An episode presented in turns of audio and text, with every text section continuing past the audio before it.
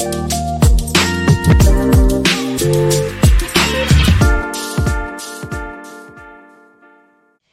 allihopa och välkomna tillbaka till avsnitt 4 av Jordens öde. Mitt namn är Tegred.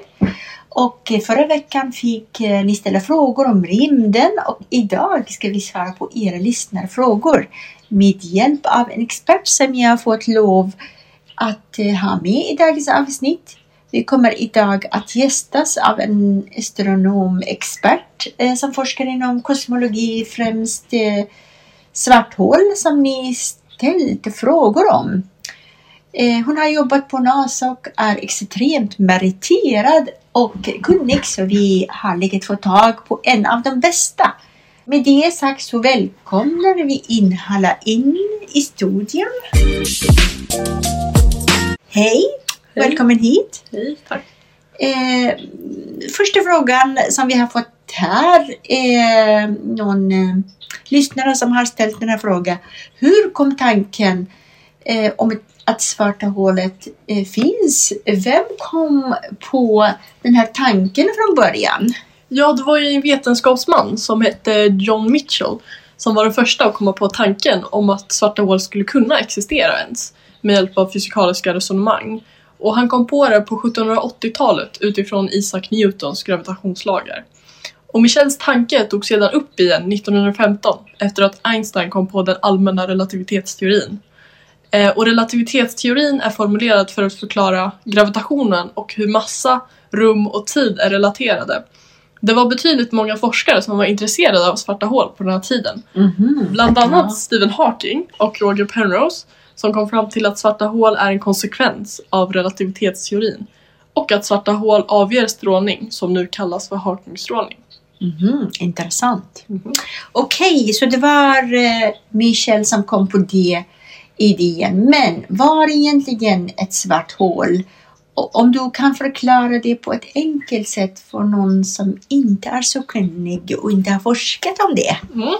Ja, ett svart hål är ju ett område i rymden där gravitationen är så enormt stark att ingenting kan komma ut igen. Inte ens ljuset kan fly från dragningskraften. Och den starka gravitationen kommer till av materia som pressats in i ett litet utrymme, vilket kan ske när en massiv stjärna dör. Det är nästan som ett bowlingklot eh, där massa är koncentrerat i ett litet område. Och detta resulterar i ett område som är helt svart i rymden, då inget ljus kan reflekteras ut.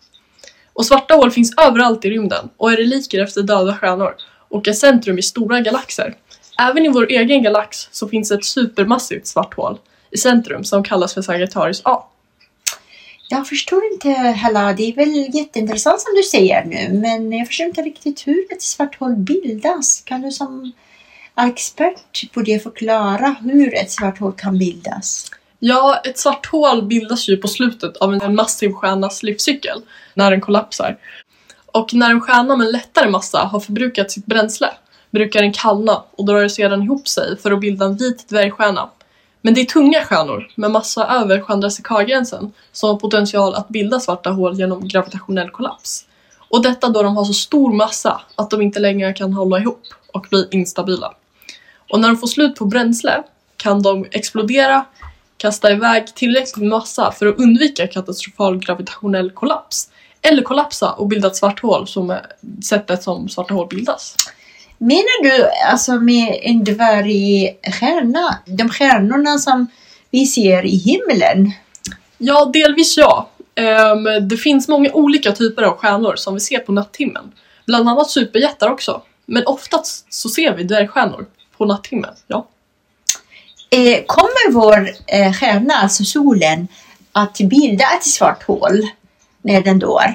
Nej, det kommer den inte eftersom att solen betraktas som en liten stjärna med lättare massa och kommer att bilda en vit dvärgstjärna när den dör. Som sagt så är det enbart tunga stjärnor som kan bilda svarta hål. Och solen har ju massa mindre än Chandrasekhar-gränsen vilket medför att den inte kan genomgå gravitationell kollaps och bilda ett svart hål. Ah, vilken tur! Okej okay, Halla, men menar du att bara stora stjärnor som har potential att bilda svarta hål Ja, precis. Endast stjärnor med tung massa över Chandrasekhar-gränsen. Jag trodde från början att vår sol är jättestor, men det är ju inte den. Inte jämfört med andra Nej. stjärnor. Eh, Du nämnde den här Chandra, eh, Chandras, eh, Chandrasekhar-gränsen. Chandrasekhar-gränsen. Vad innebär det? Ja, det är ju en gräns som är döpt efter en indisk forskarstudent som upptäckte att det fanns en gräns för de repulsionskrafter som uteslutningsprincipen kan åstadkomma. Och han beräknade att en kall stjärna med större massa än cirka en och en halv solmassa inte skulle orka stå emot sin egen gravitation och ha risk att bilda ett svart hål. Medan stjärnor med massa under en och en halv solmassa skulle kunna bli kvar i form av en vit dvärg genom att dra ihop sig, vilket är fallet har solens öde. Ja, det är lite komplicerat att förstå hur man kommer fram till den här siffran. Men det verkar ju eh, genom matematiska metoder och sånt kommer Ja. man fram till det där. Precis. Går det att eh, se svarta hål i rymden på samma sätt som man kan se stjärnor? Nej, det går ju inte eftersom att svarta hål i sig är helt osynliga och går inte att upptäckas med det blotta ögat. Men om de är eh, helt svarta, hur kan ni forskare då upptäcka dem i rymden? Hur kan vi veta om vi är på väg till exempel att närma oss eh, ett svart hål? Eh, ska man vara rädd för sånt? Eller hur, hur tänker ni? Alltså svarta hål är ju mörka som du säger, men de går att upptäckas i rymden på två olika sätt. Och det första sättet är genom att observera hur de drar till sig andra objekt. Eftersom ett svarta hål attraherar med sin gravitationskraft kommer stjärnor i närheten kretsa runt ett svart hål. Då observerar man stjärnor som kretsar runt ett mörkt område. Den andra metoden att upptäcka svarta hål är genom gas som faller in i svarta hål som avgör ljus, som kallas för kvasarer. Eh, det ser då ut som en lysande gas runt, runt omkring det svarta hålet. Och med hjälp av röntgenstrålar från gas som faller in mot svarta hål kan man identifiera svarta hål. Dessa metoder har använts för att upptäcka Sagittarius A, som är det supermassiva svarta hålet som ligger i centrum av vår egen galax. Så nej, du behöver inte vara rädd, då vi kommer veta att vi närmar oss ett svart hål långt innan. Åh, intressant att veta att forskningen har kommit så långt så att vi kan veta innan. Vilken tur! Ja. Ja, okej, vad skönt att höra. Du nämnde att ljus inte finns i svarta hål, men jag förstår inte riktigt hur. För du ser ändå att det finns ju lite runt omkring det. Eller Ja, vad menar du? Precis. Men ljus försvinner i svarta hål eftersom att gravitationen överstiger ljusets förmåga att fly från den. Och händelsehorisonten är ju där eh, detta händer. Och eh, händelsehorisonten är ju det du tänker på när du tänker på ett svart hål. Det är ju det här ljus, eh, ljuset som eh, finns, inte inuti det svarta hålet. Enligt Einsteins relativitetsteori finns det inget som kan färdas snabbare än ljuset. Om ljuset inte kan lämna stjärnan kan något annat inte heller lämna den. Mm, ja. Nej. Så inuti ett svart hål så är rummet så kurvat att alla vägar som ljuset kan försöka ta ut ifrån det svarta hålet leder tillbaka till händelsehorisonten. Och eftersom gravitationen som sagt är så stark att det suger in ljuset. En fråga som vi har fått också. Vad skulle kunna hända om en oaktsam astronaut hade ramlat in i ett svart hål? Svarta hål är ju dödliga. Och inte enbart på grund av sin enorma gravitationskraft utan även på grund av att sidorna i det svarta hålet är extremt bränta som skapar en lutningsgrad längs din kropp. Så teoretiskt så skulle fötterna uppleva en helt annan kraft än huvudet. Vilket skulle sträcka ut dig som en spaghetti. Oj då. Om du dessutom hade haft en roterande rörelse inuti hålet hade du dragits ut och slitits sönder av den enorma gravitationskraften inom loppet av en sekund. Oj då. Hoppas att ingen ramlar i den. Ingen astronaut gör det. Men det, var, det är ingen som har varit inuti ett svart hål. Hur vet ni det då? Ja, precis. Det är ingen som varit där. Men det är ju bara en teori. Eftersom att vi fortfarande inte vet vad som egentligen sker inuti ett svart hål så kan vi bara resonera utifrån fysikaliska teorier. Men det är det som mest sannolikt kommer att hända. Ja. Precis. Eh, hur kan ett svart hål dö? Dör de ens överhuvudtaget? Ja, det alltså, är så att svarta hål dör ju eventuellt. Och svarta hål avger nämligen Hawkingstrålning fram tills dagen de börjar krympa och försvinner.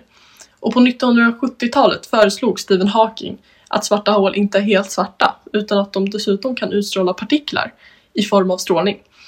Och det svarta hålets massa minskar då gradvis och krymper tills det försvinner. Den utstrålade energin i form av Hawkingstrålning gör att hålet blir mindre tills det dör. Okej, Halla, det är en fråga till som kom till oss här. Existerar tid inuti ett svart hål? Enligt Albert Einsteins relativitetsteori så stoppas tiden ur perspektivet för en observatör som står utanför det svarta hålet. Ett objekt som faller in i ett svart hål skulle sett fruset ut vid kanten av det svarta hålet. Mhm. Men när materia passerar händelsehorisonten, som är punkten för ingen återvändo, så ser den utomstående observatören hur tiden stannar helt och hållet. Och enligt relativitetsteorin så byter tid och rum plats inuti ett svart hål.